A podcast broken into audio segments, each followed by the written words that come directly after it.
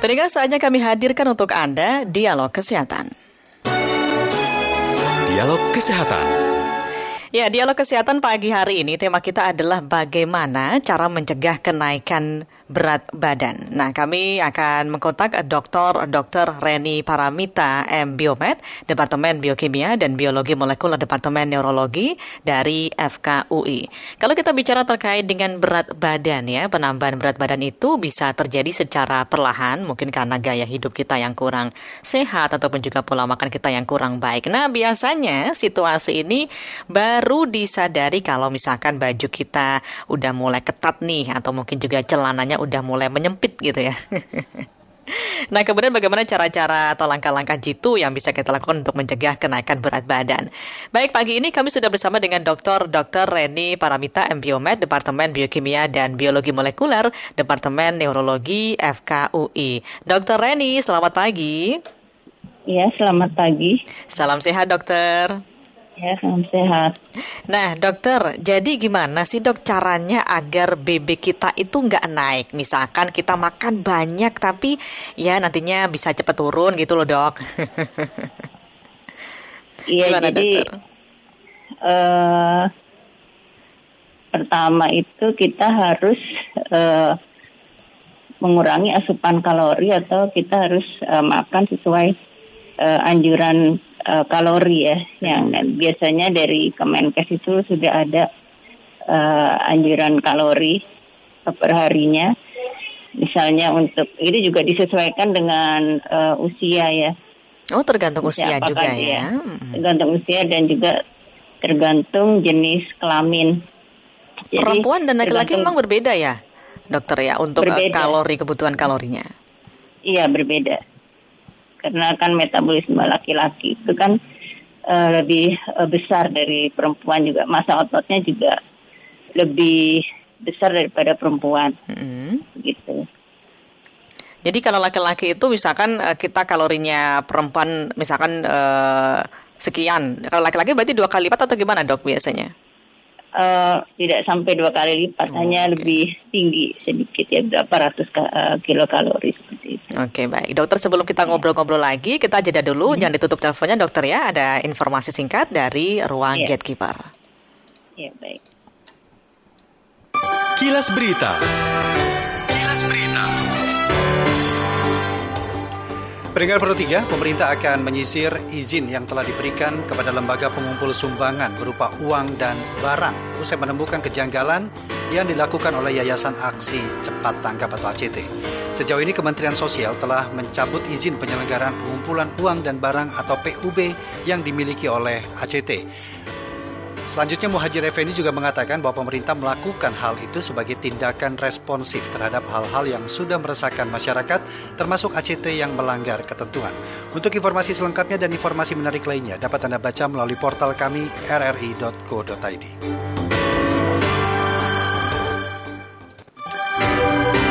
Kilas Berita 3, Jaringan Berita Nasional. Halo dokter, ini masih standby dokter ya? Iya, ya. Oke, tadi kalau dokter menyebutkan kita harus bisa eh, mengatur kalori yang masuk ke dalam tubuh kita. Nah, tata caranya itu seperti apa? Kan ada misalkan kita piring itu dibagi-bagi, misalkan yang sisi segi, sisi segini tuh buat uh, sayur, kemudian buat buah, uh, buat lauknya, buat nasinya. Gimana sih cara ngaturnya biar betul, dokter? Iya, uh, sebenarnya itu sudah ada anjurannya jadi kita harus uh, proporsional ya antara mm-hmm. asupan uh, karbohidrat, protein dan uh, sayuran ya. Biasanya ada komposisinya. Uh, biasanya untuk uh, karbohidrat itu sekitar uh, 45 sampai 65 persen. Oke, okay, 45 nah, sampai 65 persen ya. Iya itu nasi ya seperti karbo nasi, itu nasi atau boleh diganti yang lain dok? Uh, boleh boleh yang lain kentang atau hmm. uh, apa singkong begitu jadi nggak harus nasi. Tapi takarannya juga sama ya 45 sampai dengan 60 persen tadi dok? Iya tapi itu ya ini uh, sebenarnya juga uh, apa setiap uh, institusi itu mempunyai apa standar yang berbeda-beda. -hmm.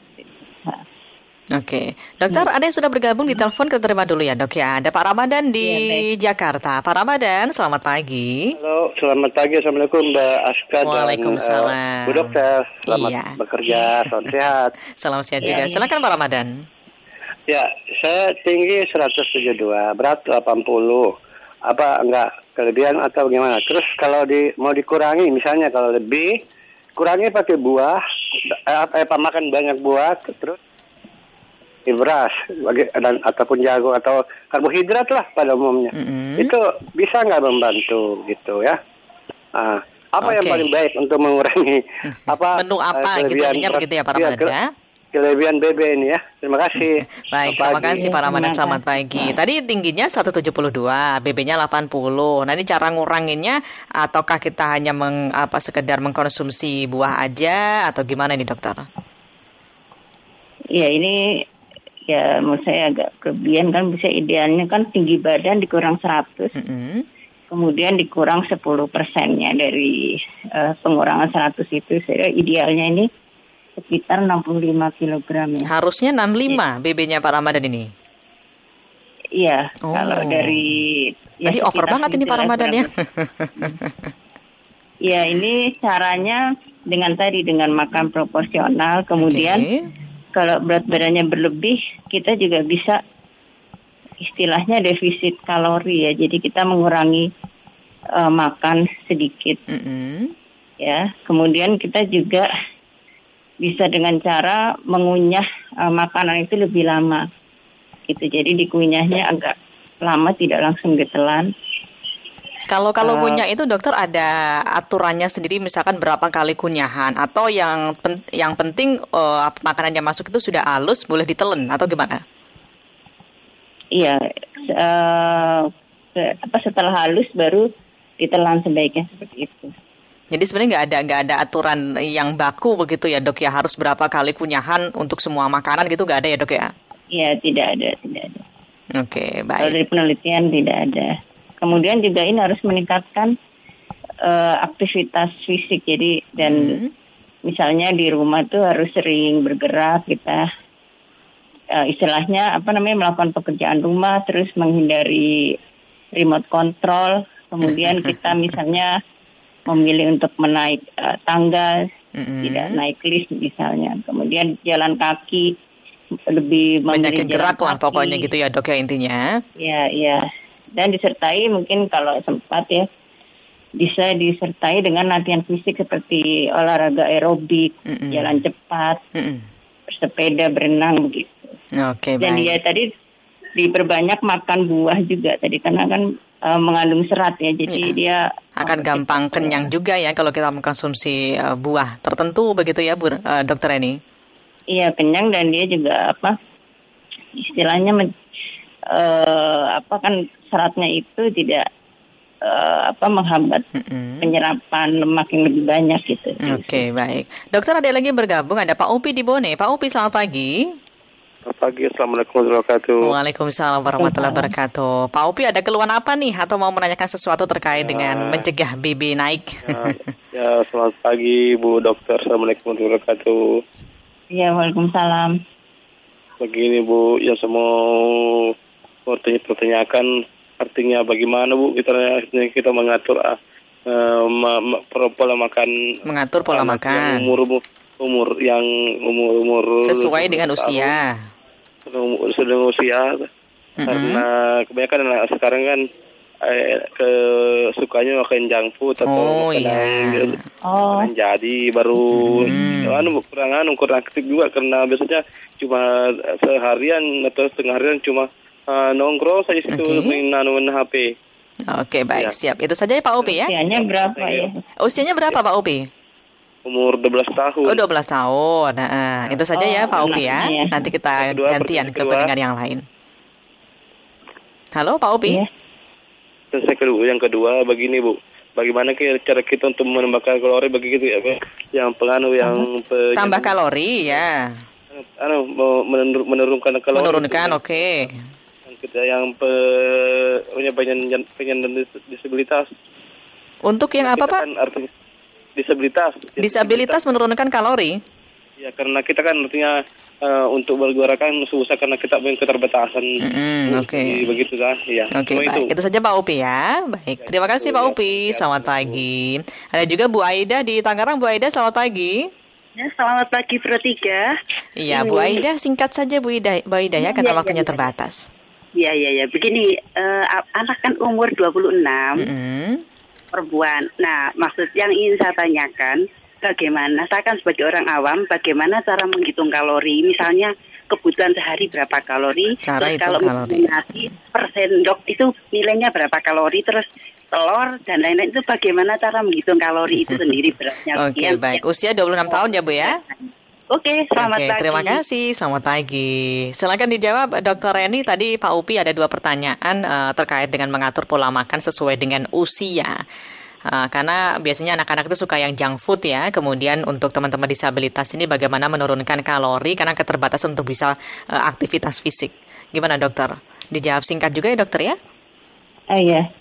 Anak 12 tahun Iya, ini uh, kalori yang dibutuhkan itu sekitar uh, 2000 kalori ya. Okay. Ya, tapi uh, ini sih juga dan selain itu juga selain mengatur pola makan juga harus banyak uh, beraktivitas hmm.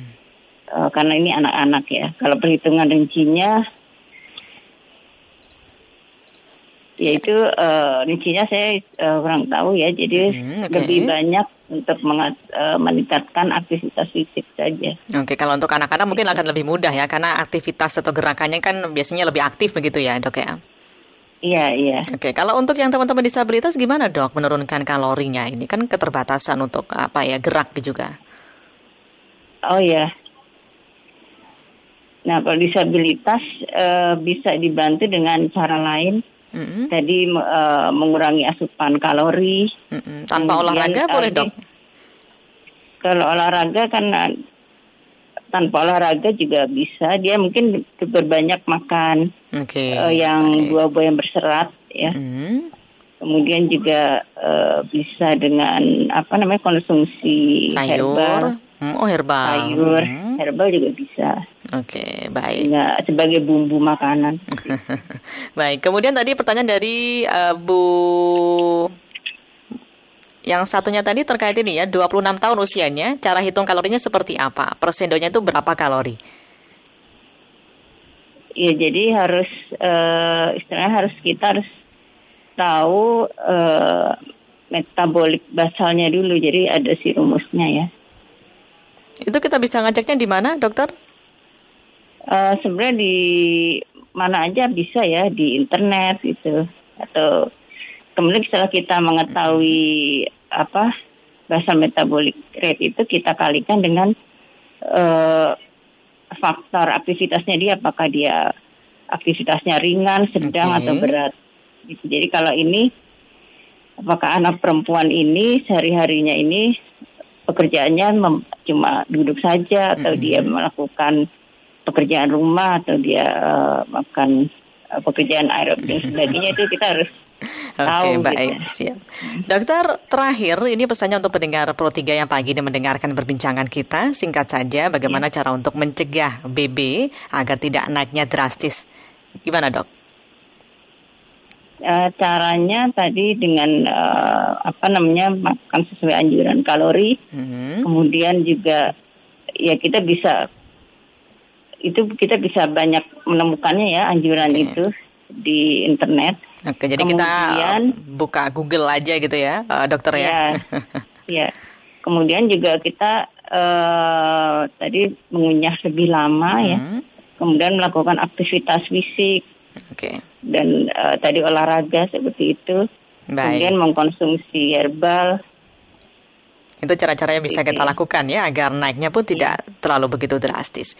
Baik, Dokter Eni, ya, terima ya. kasih sudah berbicara dengan Pro 3 pagi ini ya dok ya.